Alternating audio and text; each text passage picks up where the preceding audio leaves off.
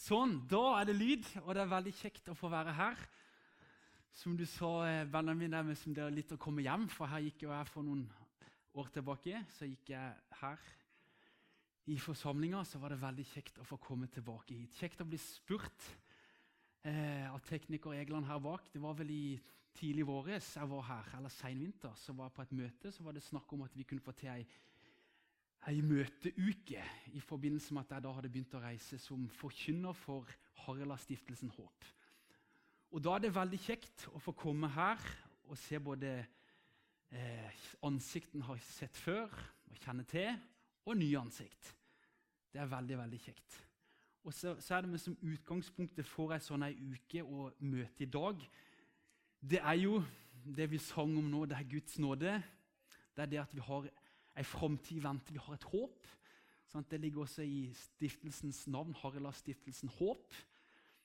Så er det veldig veldig kjekt. Men jeg skal bare ta oss og si litt sånn inn, inn, innledningsvis om, om, stiftelsen. Torgeir Nygaard heter jeg. Reiser som i 50% stilling for Harila-stiftelsen Håp. Jeg har med meg noen blader som jeg også kommer til å legge på et bord, som kommer til å ligge der utover uka. Jeg skal si litt bare helt kort nå, og så kommer jeg til å fortelle litt mer utover uka og vise kanskje noen filmsnutter og noen bilder i, i, forbindelse med arbeidet som vi gjør. Men tidligere så het stiftelsen Hjelp til Russland. En stiftelse som ble oppretta for eh, over 20 år siden pga. akutt sånn nødhjelpsarbeid. En situasjon i Russland som eh, noe akutt måtte skje. Så var det Steinar Harla, som nå er daglig leder og grunn, som, som er stifter av denne stiftelsen, som da eh, som, skulle, som, fikk med seg noen, sånn at de skulle renovere et barnesanatorium som, som, måtte enten stenges eller så måtte det renoveres. Og De fikk beskjed om at eh, enten så, bli, så må ting skje her, eller så blir barna kanskje sendt ut og må tilbringe denne vinteren i skogen. Kort fortalt, Det ble stifta en stiftelse. De fikk fiksa dette, her, renovert det. og Det var bare en, en begynnelse på masse annet som har skjedd og blitt gjort i Russland gjennom denne stiftelsen. I dag så bygges det bl.a. en bibel- og landbruksskole. Midt i krigssituasjonen så bygges det nå en bibel- og landbruksskole med tanke på, på mange av de gatebarna som har vært innom våre institusjoner, sånne ting, som skal få komme og bo der gratis og få en gratis utdannelse innenfor landbruk, også en bibelskole. Og Det står det også en del om i bladet, og jeg kommer til å fortelle litt mer om det seinere utover uka. Men eh, ja, så har det i sommer så endra det navn fra Haralds, nei, Hjelp til Russland til Haraldstiftelsen Håp. Fordi som jeg sa, så begynte det for over 20 år siden. Og så har arbeidet blitt veldig stort i Russland, i tillegg til at vi støtter arbeid også i Estland og i Israel. Nå kom vi tilbake fra Israel nå for ikke lenge siden. og Jeg ser her et ektepar som var med på den turen. Veldig kjekt at dere tok turen. Vi hadde noen flotte dager der eh, og støtter der også et arbeid der. Så da i navnet Hjelp til Russland så var det litt misvisende, for det er jo flere andre land også vi har arbeid i og som vi støtter. Så da ble det også pga. krigssituasjonen at i sommer så ble navneendringa vedtatt til Harla-stiftelsen Håp. Så jeg kommer til å legge noen blader her ute, så ta en titt. Og så blir det mer informasjon, og vi kan se litt bilde også for arbeidet som, som, eh, som drives nå utover uka. Men nå tar jeg også, også fortsette fortsetter å be. Eh, veldig sånn spennende, det sånn Møteuke og sånn er ikke noe jeg har hatt veldig mye av sjøl. Så det er alltid spennende at jeg skulle komme og starte med første møte på en møteserie. Men så er det liksom det grunn, utgangspunktet for at vi er kommet sammen, det er jo pga. Jesus. Så la oss be nå der du sitter. La oss be om at Gud må røre ved oss. At Gud må virkelig ransake oss i ei tid som denne, og at det kan bli til trøst og oppmuntring på det veistykket der du og meg går. Kjære Jesus, vi bare ære og pris og takker deg for at du er her. Vi kommer sammen nå i ditt navn, Herre. og Vi bare påkaller deg, bare ber om at du med din ånd nå, Herre, må bare åpenbare sannheten for oss. Vi ber om at du må bli herliggjort, Jesus, midt iblant oss, gjennom ordet som blir forkynt. Du ser oss, og du kjenner oss, og du vet hvem som trenger hva her. Jeg bare ber om at du må virkelig bli stor for oss, Jesus. Det ber jeg om, Herre. Takk for åpningsord, takk for sang.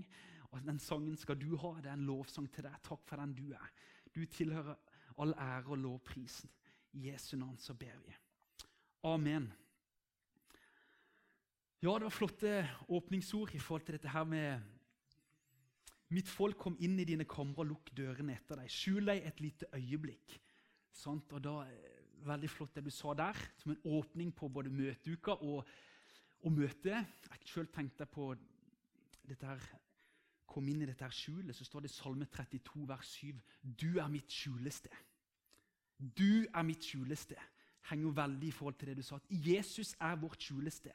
Og vi ser litt utover tida. Det har vært en spesiell tid siden jeg bodde her. Når jeg flytta rett helt i begynnelsen av pandemien, så har det vært mye som har skjedd i, under pandemien og i forlengelsen av den. Mye som skjer på verdensbasis, som krig og elendighet. Det er mye som ikke vi skjønner, og det er lett å, å bli vi, vi, hører mange som i hvert fall ikke har det skjulestedet. Vi hører om det i dag, at det er veldig mange av våre landsmenn som er bærer på en veldig angst for framtida. De har ikke noe, de har ikke noe håp i det vi har som går utover, inn i evigheten, sant? utover dette livet. Men så, så, så, merker vi og hører om at det er veldig mye angst og depresjoner kan vi lese om iblant våre landsmenn. Og mye kommer pga. en veldig usikkerhet. Veldig mye spenning i verdensbildet. Så, vi kjenner til det kanskje også Her er det folk som sitter litt urolige for Oi, hva skjer nå med krig og elendighet i, i landet. Sånn, prisene både her og det er så veldig mye usikkert. Men så er det Jesus som midt oppi all usikkerhet er vårt skjulested. Både for dette livet og for det som kommer. Og da er det som, som også i Jesaja 26, som vi las litt av nå her innledningsvis Benjamin, så står det i vers 3 her så står det også Den som har et grunnfestet sinn, Ham lar du alltid ha fred, for til deg setter han sin lit. Så la det være et utgangspunkt for denne uka, for det som kommer, i forhold til grunnen til at vi er sammen nå, at vi skal ha et grunnfesta sinn midt i alt det som kan virke så kaotisk rundt oss, og gjerne på innsida og utsida, hva det måtte være. Så står det her at den som har et grunnfesta sinn, ham lar du alltid ha fred, for til deg setter han sin lit. Og Jeg syns det er så fantastisk å begynne, bare begynne ei preike og en, en møteserie med akkurat den påminnelsen og understreke det at det, det å ha et grunnfesta sinn Det er jo der kampen er, for det er så mye som vil gjøre også oss gjøre oss usikre, urolige, når vi ser rundt oss. Men vi skal få lov til, og det er bare nåde, å bli gitt et grunnfesta sinn gjennom Guds ord. Gjennom det som holder både i liv og i død, ja, like inn i evigheten. For så sto det at den som har et grunnfestet sinn, ham lar du alltid ha fred. Midt i all ufred. Så vitner Bibelen om en fred pga. fredsfyrsten, som igjen er vårt skjulested. For til deg setter han sin lit. Så jeg håper det at de, gjennom møtet og disse dagene vi kan få en fornya tillit. For, for, for, til deg setter han sin lit. En fornya tillit til det fullkomne frelsesverket, det håpet vi har i Han. Og at det er, Den siste sangen vi sang, er fantastisk. Og nådesang. Det var bare nåde, nåde, nåde. Og at det er opphavet til vår frelse. Det er at vi kan ha et grunnfesta sinn pga. noe som er fullbrakt. Nå skal vi ta, så skal vi eh, bla opp i Apostlenes gjerninger, kapittel 17 så skal vi ta utgangspunktet der. og igjen så er det det grunnfesta sinnet nå. Vi skal, eh, skal, starte dette her første møtet med denne søndagen. Det grunnfesta sinnet for at kan, vårt sinn kan rette oss, eller rette seg mot der vi kan ha vår fulle visshet. Og Det er noe vi må minne hverandre på igjen og igjen. og Det som gir oss, gir tro, skaper tro, og noe vi kan ha, sette vår lit til. Og der, Apostlenes gjerning er jo fantastisk. Jeg tror vi alle sammen som som leser, leser Guds ord og, og, og, har lest apostlenes gjerninger, så er jo det veldig inspirerende.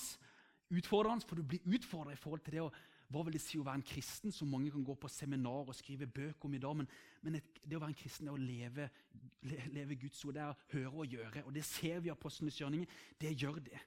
Og Der ser vi hvordan Paulus har fått et grunnfesta sinn ut, utenfor seg sjøl, ikke sin fromhet og sin eh, hva skal vi si, det han fikk til å gjøre ut ifra sin fariseistiske tankegang. Men han fikk et møte med han som ble hans sitt skjulested, og fikk et grunnfesta sinn på han. Og så ble alt snudd opp ned. Og så reiser han rundt fra land til land, fra by til by, for å dele. Så vet han at hvordan Helligånd kan minne han på at det, det venter trengsel. Det venter forfølgelse. Og han må lide, lide for Jesu navns skyld. Det vet vi. Men han kan ikke la være å tale om det han har sett og hørt. For det er ved det han har sitt grunnfesta sinn. Han får sette sin, sin lit, og så vet han at dette her er ikke det siste, folkens. Det vi opplever, usikkerhet og utrygghet, som også var mye på den tida, også i vår tid, det er ikke det siste. Det er bare et lite sånn et mellomrom før vi skal gå inn. Som Jesus, uttrykk Jesus sjøl bruker Lukas, Lukas 20 i den kommende verden. I den kommende verden. Og Der står det, etter Paulus har på sin andre misjonsreise så Etter han har fått, eh, fått, eh, fått det syn om de som, ropte, som, som trengte hjelp fra Makedonia, kom han til, kom han til Filippi, går videre eh, derifra, som vi skal lese fra vers 1 i kapittel 17. Etter at de hadde reist gjennom Amfipolis og Apollonia, kom de til Tessalonika. Der hadde jødene en synagoge. Paulus gikk inn til dem slik han pleide å gjøre. Og tre sabbatsdager samtalte han med dem ut fra Skriftene. Han la ut fra dem og viste at Messias måtte lide og stå opp ifra de døde, og sa, 'Den Jesus som jeg forkynner dere, han er Messias.' Vi bare stopper litt der. Jeg synes det er så, sant? Der reiser han rundt. Han har fått et, Vi skal komme litt tilbake til det Men det synet han fikk om de som kom over og hjalp oss til Makedonia. Han begynte dette her oppdraget sitt i Filippi, og nå er han plutselig i Tessalonika. Og Så kommer han og reiser, oppsøker en synagoge. Og så står han ikke her under, står ikke der og underviser, han samtaler med dem. Han samtaler med dem ut ifra Skriften. Ut ifra Guds ord så er det samtalen går. Og hva er det som, eh, også vers 3 der, Han la ut for dem og viste at Messias måtte lide og stå opp ifra de døde og sa den Jesus som jeg forkynner dere, han er Messias. Og den, det verset der, det er enormt. Det sier mye om faktisk hva evangeliet er, og det å ha et grunnfesta sinn på noe fullkomment. Ikke på oss sjøl, men på Jesus. Og der kommer han ut og sam, kommer samtale ut fra Skriften og viser at Jesus Hør nå ikke bare kunne han, Vi vet at han valgte det, men han måtte lide. Jesus måtte lide og stå opp ifra de døde. Den setninga der skal vi se litt på. Jesus måtte lide og stå opp igjen fra de døde. Og Da kan vi gå videre til, inn i Hebreerne 10. Og det, Dette er veldig sånn lov og evangelie, men det her her vi skal få lov å ha et grunnfesta sinn, folkens. Her vårt håp er det eneste håpet pga. noe som måtte skje. For at vi skulle få fred med Gud, så var det ikke noe vi kunne, at vi kunne kreve noe som helst, at det må skje. Men det var nåden som drev det til at det, til at det skjedde. Og Da kan vi lese fra vers, vers 10. Og nå, nå begynner bare altså Hebreerbrevets forfatter Bibelen å bare male for oss ja, Kristus som korsfester, men også undervise oss om akkurat det ordet 'måtte'. Nå skjønner vi grunnen til at Jesus måtte lide og dø. For det var det eneste håpet. Hør hva, hva Bibelen, Guds ord, forkynner. Fra vers 1, Hebreerne kapittel 10, fra vers 1. For loven har bare en skygge av de goder som skulle komme. Ikke tingenes virkelige skikkelse. Og vi vet nå at når Paulus nå er i den jødiske synagogen, i Tessalonika og så samtale med dem ut ifra Skriften, så er det jo nettopp garantert i forhold til offertjenesten og sånne ting. Alt det, Kanskje mye av det som Jesus vitna om, og Jesus eh, talte om med Emmaus-vandrerne. For det står så mye i Skriften om Jesus og hvorfor han måtte komme. Og nå tar han utgangspunktet i loven, offertjenesten. Derfor kan ikke loven ved de offer som hvert år ble båret fram, gjøre dem fullkomne som kommer fram med dem. Ellers hadde de jo sluttet med å ofre. For de som ofret, ville da ikke lenger ha synder på samvittigheten etter at de en gang var blitt renset.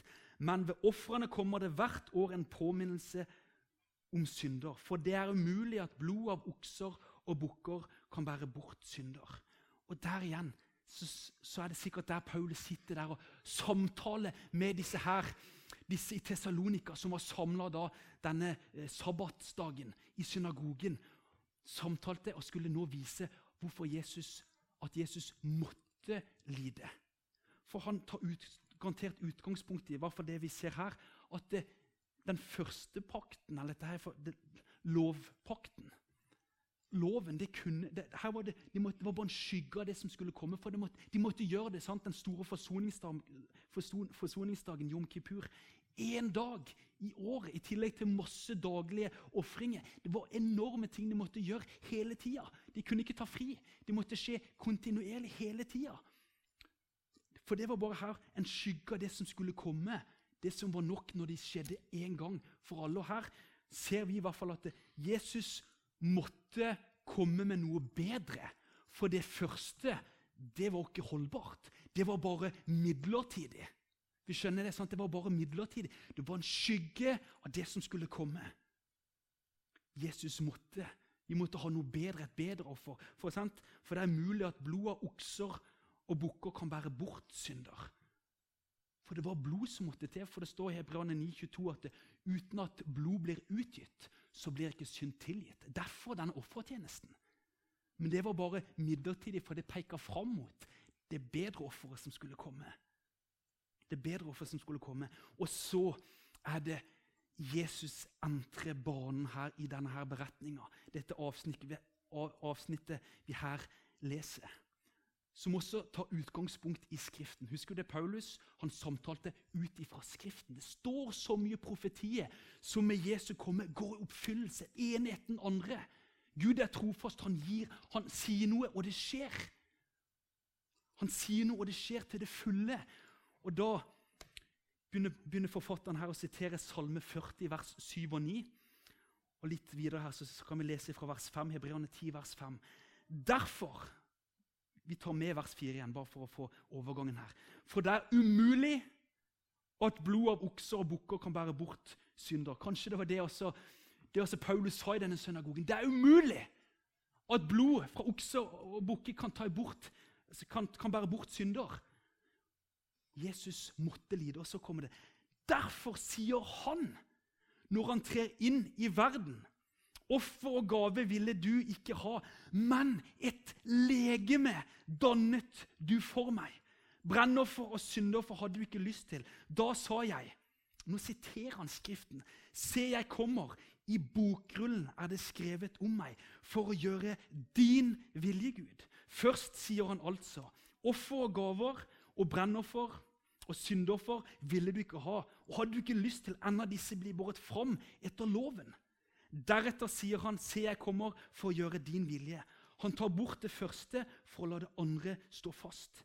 Ved denne vilje er vi blitt helliget ved at Jesu Kristi legeme ble ofret en gang for alle. Her kom det mye vers, men her er det en enorm sannhet som igjen vi skal grunnfeste vårt sinn ved. Det er fra den første pakten, sånn det som ikke kunne ta bort, bære bort synde. Så står det her, han siterer Salme 40. Derfor sier han, altså Jesus, når han trer inn i verden Offer og gave ville du ikke ha, men et legeme dannet du for meg. 2. Korintene 8,9. For dere kjenner vår Herre Jesu Kristi nåde, at han for deres skyld ble fattig da han var rik, for at dere ved hans fattigdom skulle bli rike. Men et legeme dannet du for meg. Kan du tenke at Gud, skaperen, som har skapt alt med sitt ord, der Jesus var med i skapelsen.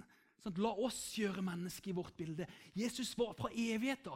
Og nå ser vi det at det, nå, nå, nå, begynner vi å komme fram til grunnen til at Jesus måtte lide og dø for våre synder. Det var at den første det, blodet fra bukker og kalver det kunne ikke gjøre noe med våre synder. Det var bare midlertidig.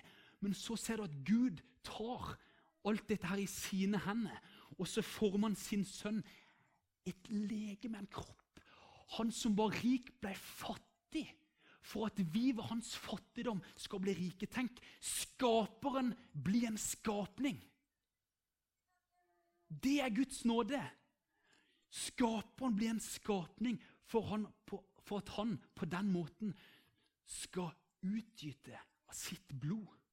For uten at blod blir utgitt, så blir ikke synd tilgitt. Og Så står det videre sånn Brennoffer og syndoffer hadde du ikke lyst til. For det kunne, ikke, det kunne jo ikke gjøre noe fullkomment. Det var bare midlertidig. Da sa jeg, jeg Se, jeg kommer i Skriften, sant, som, som, som, Paulus samtalte ut ifra, så, så, ser vi at det ligger an til at det skal komme en Messias. Det skal komme en Guds salvede som skal gjøre Guds vilje. Se, jeg kommer i bokrullen, er det skrevet om meg, for å gjøre din vilje, og Gud. Han er kommet for å gjøre Guds vilje. Skjønner vi det at han som vil at alle mennesker skal bli frelst og komme til sannhetserkjennelse? Skjønner vi at det er Guds vilje at ikke noen skal gå fortapt? Skjønner vi at det derfor skulle det skje, skulle det skje så måtte Jesus lide og dø. Men vi hadde ikke krav på noe som helst, for vi har gjort imot Guds vilje. Men så kom han for å gjøre Guds vilje. Og Guds vilje er både at han oppfylte loven, som er sant, uttrykk for Guds vilje, men han oppfylte Guds vilje ved at han tok vår straff og vår plass. Ved at han, han, han, et legeme ble danna. Han ble født, lagt i ei krybbe, som vi snart skal feire med når vi går inn i julehøytida.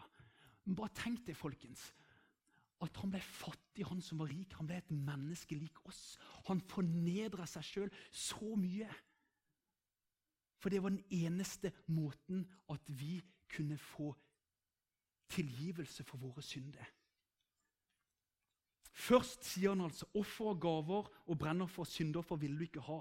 Og har du ikke lyst til, enda disse blir båret fram etter loven. Deretter sier han, se, jeg kommer for å gjøre din vilje. Han tar bort det første for å la det andre stå fast. Det første det var det som var brakt fram ved loven, som var det gamle, det, det, det første.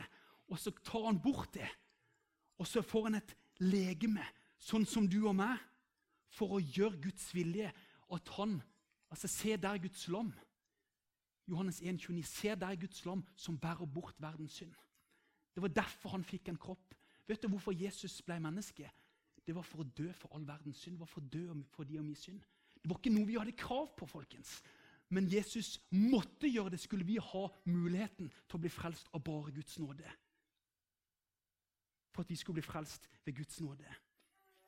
Og Da går vi inn i Romerne. Romerne 3. Og igjen skal vi bare håpe at dette her sinnet vårt blir grunnfesta i det som er fullkomment, det som er urokkelig, det som har skjedd. Noe vi kan se tilbake på og holde fast ved. Romerne kapittel 3, vers 20. Igjen så er det Guds ord nå som, skal, som skaper tro. Nå, nå leser vi Guds ord sånn som det står, for at vi skal tro det sånn som det står. For at vi skal få lov å sette vår lit til sånn som det står.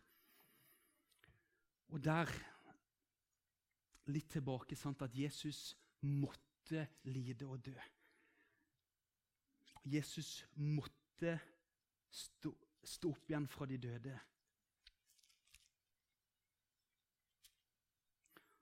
Derfor blir intet kjød rettferdiggjort for ham ved lovgjerninger. For ved loven kommer erkjennelse av synd. Så må vi las i, i, i Hebreane 10 at hvert år så kommer den påminnelsen om at okay, jeg er en synder. Vi trenger, til, vi trenger et offer. Men nå er Guds rettferdighet, som loven og profetene vitner om, blitt åpenbart uten loven. Igjen som loven og profeten vitner om. Paulus samtalte med dem ut ifra Skriften. Både loven og profeten vitner om sant? Abrahams tro som ble tilregnet ham som rettferdighet. Det er Guds rettferdighet ved tro på Jesus Kristus til, over, til alle og over alle som tror. For det er ingen forskjell. Alle har syndet og mangler Guds herlighet. Alle har syndet. Sant? Vi vet at det er ikke håp for noe oss i oss sjøl. Det er kun Jesus måtte lide og dø og oppstå fra de døde. Skulle vi kunne ha et evig liv i vente, skulle vi kunne få bli Guds barn, skulle vi få tilgivelse for alt det gale vi har gjort, Og de blir rettferdiggjort for intet av Hans nåde ved forløsningen i Kristus Jesus. Ham stilte Gud til skue i det legemet han danna han. Men et legeme dannet du for meg. Ham stilte Gud til skue i hans blod, som en nådestol ved troen, for å vise sin rettferdighet, fordi han i sin langmodighet hadde båret over med de synder som før var gjort. Ved dette ville Gud vise sin rettferdighet i den tid som nå er, så han kunne være rettferdig og rettferdiggjøre den som har troen på Jesus. Ham stilte Gud til skue i hans blod, som en nådestol ved troen på Golgata. Sant? For å vise sin rettferdighet. Igjen, han lar ikke den skyldige være ustraffa, står det i Guds ord. Han lar ikke den skyldige være ustraffa. Men se der Guds lam som bærer bort verdens synd. Men et legeme dannet du for meg. Han tar all vår skyld, vår straff, på sitt legeme. Og som en nådestol ved troa han stilte Gud til skue i hans blod. For at det som den gamle pakten ikke kunne, det skjer nå ved at det var én som var villig til å bli fattig da han var rik. For at vi ved hans fattigdom skulle bli rike. For at det var én som tok min og din plass. Har du sett det? Har du sett, har dette blitt åpenbart for deg? Og La oss gå inn igjen i vers 24. Og de blir rettferdiggjort, gjort rettferdige. I, i Hebreerne 10 så var det helliget, helliggjort. Vi blir gjort sånn at vi kan få Vi blir, altså, vi blir ikledd Jesus, hans rettferdighet, hans hellighet. Alt det blir vi tilregna og ikledd ved troa på Han. Og de blir rettferdiggjort for intet av Hans nåde ved forløsningen i Kristus Jesus. Nå skal vi bare stoppe litt fra det verset her. Et grunnfesta sinn. Husk nå, Det er viktig å bygge en, en grunnvoll på noe som evangeliet ønsker åpenbare for oss. Og de blir rettferdiggjort for intet av Hans nåde ved forløsningen, eller frikjøpelsen, kan det, kan det oversettes også, i Kristus Jesus. De blir rettferdiggjort for intet.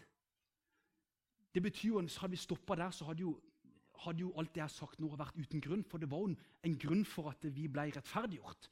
Det var pga. Jesus og det han hadde gjort. Men for intet i oss sjøl.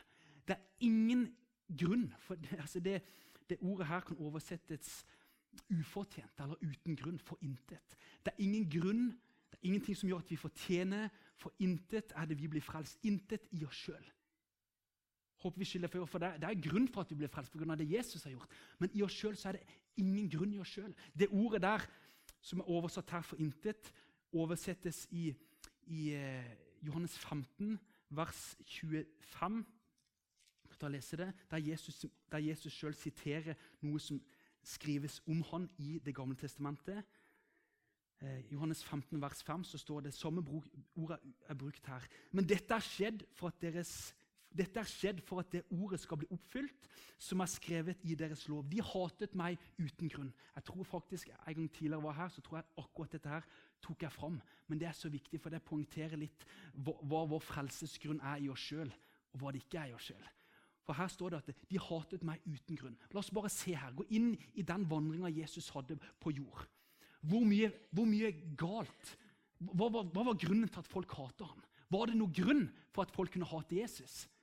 I, han, i, den han var og det han hadde gjort. Nei, det var ingen grunn. De hatet meg uten grunn. Det var ingen grunn for at mennesker skulle hate Jesus i hans rettferdighet, i hans eh, hellighet. De hata han pga. synda i, i seg sjøl. Så var det de hata Jesus. Men uten grunn i Jesus det var ingenting som kvalifiserte Jesus til å bli hata.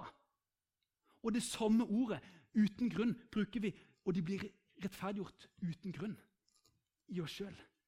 På samme måte som det var ikke noe grunn til å hate Jesus, så er det ikke noe grunn i oss sjøl til å bli rettferdiggjort, til å bli frelst. For da hadde jo det første sant, blodet av bukker og kalver, da kunne vi fortsatt med det. Hvis det hadde, eller Da kunne vi ha gjort det, og så var det en gang gjort, og så var det ferdig snakka. Da var vi frelst hele gjengen. Hvis vi satt vår lit til det. Men det var, det var bare skyggen av det som skulle komme. Og de ble rettferdiggjort for intet, men igjen av Hans nåde ved forløsningen i Kristus Jesus. Dette er så viktig at vi kan ha et grunnfesta sinn som retter seg på akkurat dette her. I en tid der det er så mye usikkert og så mye som stormer herjer rundt oss. Og sånt I møte med morgendagen, sånt bekymringer. Men vi skal få lov å sette vår lit til ikke penger som folk og strømprisene og alt rente og sånn at Vi kan bli sette enten vår lite ja, men jeg har nok penger. jeg klarer meg all, Uansett hvor dyr strømmen blir, jeg klarer meg for jeg har nok av penger. Vi skal ikke sette vår lite penger, noe jordisk. Vi skal sette vår lite, vårt håp til Jesus Kristus. For av Hans nåde, ved troen på Kristus Jesus, er vi frelst. Og igjen, pga. Hans nåde, for intet i oss sjøl. Nå har det blitt litt fram og tilbake.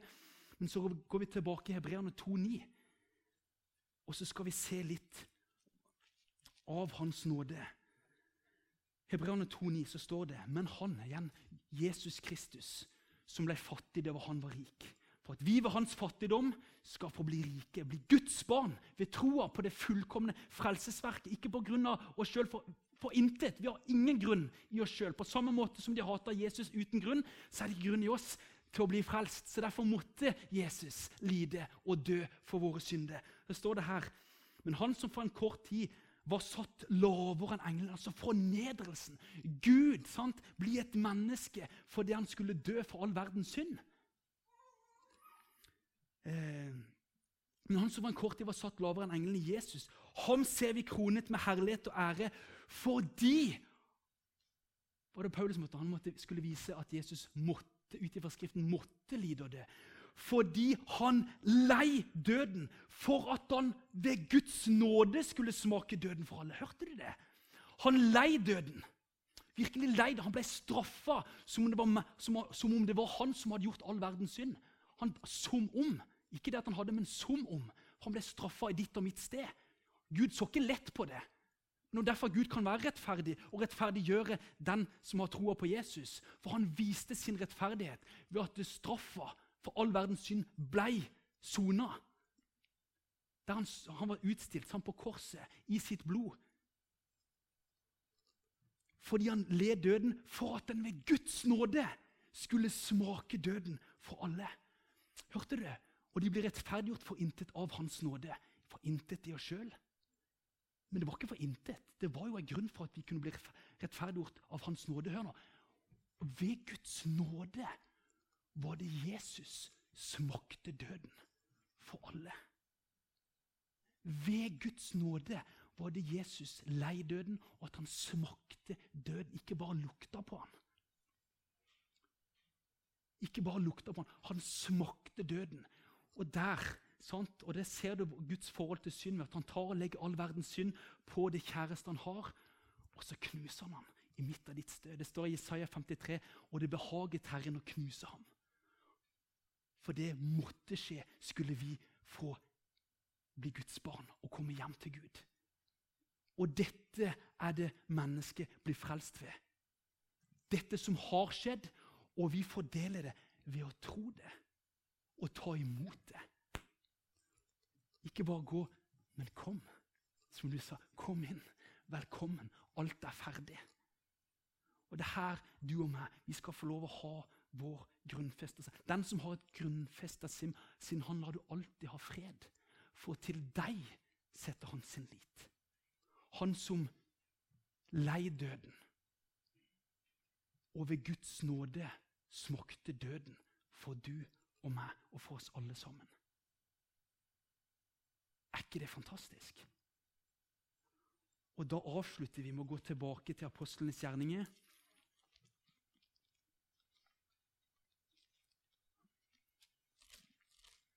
Apostlenes gjerninger, kapittel, Nå kan vi eh, gå i kapittel 16. Det som var grunnen, utgangspunktet til at Paulus ble drevet av Guds ånd til å gå til, til, til disse i Makedonia og skulle forkynne evangeliet. Og det, det vi kan bare vers, vers 16, sant? Nei, kapittel 16, vers 9, om det synet Paulus hadde. Som igjen forklarer oss litt, som er godt å ta med oss etter det vi har hørt om det som er opphavet til vår frelse. For intet i oss sjøl, ikke for intet uten grunn, nei, men på grunn av at Jesus døde i ditt og mitt sted. Ved Guds nåde så smakte han døden for alle. Synder ble sona, Og Gud, vise sin, Gud viste sin rettferdighet, så han kan være rettferdig og rettferdiggjøre den som har troa på Jesus. Om natten hadde Paulus et syn. Han så en makedonier som sto der og bønnfalte ham og sa, 'Kom over til Makedonia og hjelp oss.' Ok? Kom over! Så han bønnfalte han. Kom over og hjelp oss! Hjelp oss! Det kom mye, mye mange måter å hjelpe på. Nestekjærligheten rommer jo alt i forhold til nestekjærlighet. Men så vers 10. Da han hadde sett synet, prøvde vi straks å komme over til Makedonia. For vi skjønte at Gud hadde kalt oss til å forkynne evangeliet for dem. Legger vi sammen de, Kom over og hjelp oss! Vi skulle forkynne evangeliet for dem. Og hva er det folk trenger i en tid som denne? folkens? Det er Mange som kan rope 'Kom og hjelp oss! Vi har det forferdelig!' Og det er Mye som mye kan gjøres med nestekjærlighet, men den hjelpa alle mennesker trenger, det er å få høre evangeliet forkynt om den kommende verden. Og det er så mange i vårt land, også i Norge, som går Når du hører folk ifra, som underviser i barne, altså barne, grunnskole, ungdomstrinn og sånne ting. Bare høre om de som vokser opp. Har ikke, mange har ikke peiling på hvem Jesus er. Og færre og færre, Vi får veldig mange nye landsmenn sant? i forhold til å komme fra andre, andre verdensdeler der vi en gang sendte ut misjonærer. Nå kommer de til oss, og mange har ikke et forhold, har ikke hørt om Jesus. Kom og hjelp oss! ropes det fra nabolaget, fra gatestredet. sant? Det, det, det så, og, og, de Kanskje ikke de engang visste at det var det de, det de, trengte. De trengte bare hjelp. Kom og hjelp oss. Men så var hjelpa det var at evangeliet ble forkynt. Og jeg tror det er mange som ikke vet hva den hjelpa de trenger, er. Men de skjønner at vi har satt vår håp til penger, til karriere, ene med det andre. Men jeg trenger fortsatt hjelp. Det er fortsatt noe som er. Hva er det? Også evigheten har han lagt i deres hjerte, står det i forkynneren. Alle mennesker, sant? Det ligger det tomrommet som bare evangeliet kan fylle. Og det er det vi må gå ut med. De kom ikke her. De kom ikke her. Vi må gå ut. Og så må vi, som Paulus og apostlene, risikere så vårt eget liv. Så er det nåde over nåde å kunne være en budbærer om det håpet som Norge og verden trenger i dag. Ikke bare på liksom, men på ordentlig. Kjære Jesus, bare ære og pris og takke deg for at du er kongenes konge, du er herrenes herre. og du er, å, du er opphavet til vår frelse, for du er vår frelser. Du er vår stedfortreder. Og vi har blitt rettferdiggjort for intet i oss sjøl, uten grunn i oss sjøl. Der er det bare synd og elendighet. Men av din nåde ved troa på deg, Jesus. Ved forløsningen i Kristus Jesus. Fordi du ved Guds nåde smakte døden for alle. Takk, Gud. Takk for din nåde. Takk for din nåde. Jeg bare ber Herre om at alle her at vi må få lov også, og Det er også nåde at vi skal ha det grunnfesta sinnet akkurat der. Akkurat der, på deg, Jesus. Ikke på oss sjøl, ikke på andre, ikke på alle de urolighetene som herjer rundt oss. Men vi skal ha blikket vårt og det, det grunnfesta sinnet retta på, du som er, på du som er fredsfyrsten, du som er troens opphavsmann og fullhender, Jesus. Du som vi en dag skal møte og se ansikt til ansikt. Og vi tror og vi ser utover Bibelen at det nærmer seg. Men fortsatt er det så mange rundt oss som roper 'Kom og hjelp oss'. Jeg ber om at du må hjelpe oss til å høre det, Herre. Høre det ropet. Høre det og gjør oss, Jesus. Gjør oss glad i mennesket. Gjør oss glad i mennesket, Herre som du er glad i dem. Og det ber du om, Jesus. Må du bare være med eh, resten av dagen og møte uka som kommer nå, Herre. Må du bare prege hvert, hvert samvær. Må dette være bare begynnelsen. Og må livet vi lever nå etter dette her, være til din ære og pris og til menneskers gang. I Jesu navn så ber vi. Amen. Amen.